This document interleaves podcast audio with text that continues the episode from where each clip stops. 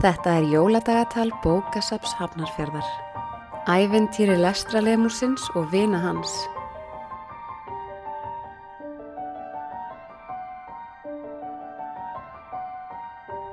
Umferðin millir hellisgerðis og jólaþorpsins er mikil. Margir eru komnir til að klára gjafakaup, sumir bakslast við að halda á tveimur kakubótlum, þremur gjafapókum og dragast leða. Aðrir býða spenntir eftir að koma og skauta og enn aðrir eru full uppteknir við að taka þátt í jólaratleiknum. Tátu finnst kvínið í snjókulunum óendanlega fyndið og teitur er ánæðar að sjá hversu margir nota endurskinsmerki. Enda er þau orðin svo flott nú til dags. Þegar þau koma hjartanu á strandgötunni lapar barn upp að þeim og byður þau að taka mynd af sér í hjartanu. Lestralemurnum á álfassískjunum bregður. Þau höfðu ekki viljandi gert sig sínileg mannfólki. Þau fullornu sem er með barninu furða sig á þessu líka. Byrja að skamma barni fyrir að tala út í bláin og segja því að koma aftur til hópsins. Veit þetta fullorna fólk ekki að börn eru oft með hlutina á reynu? Stundum vita börnin betur en þau fullornu, það er bara þannig. Og stundum sjá börnin meira en þau fullornu líka.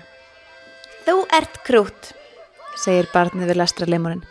Og þið eruð í flottum föttum, bætir það við fyrir tátu og teit. Eruð þið að kaupa gjafir?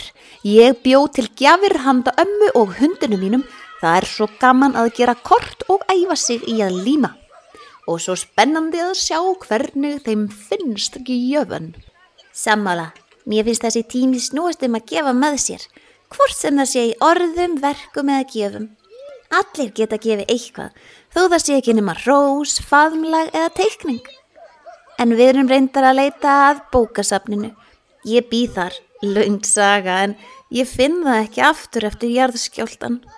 Veist þú nokkuð hvað varð um það? Ha, já, auðvitað. Ég var á bókasafninu rétt á þann. Það er á sama stað. Það bara snerist smá. Nú var fullorna fólki orðið eitthvað stressað, eins og vanalega, því það lifti barninu og tók það með sér.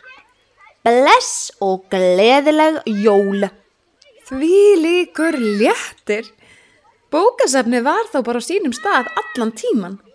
Nú var ekki setna vætna en að finna réttan ingang og wow, byrð þú hér í alvöru? Lestralemurinn fór með vini sinna í skoðunaferðum safnið.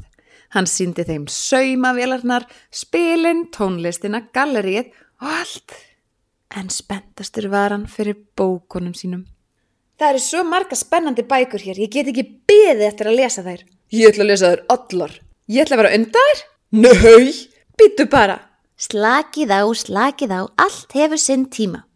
En ég er komin í svo mikið jólaskap núna. Mér langar til að spila jólalög og dansa.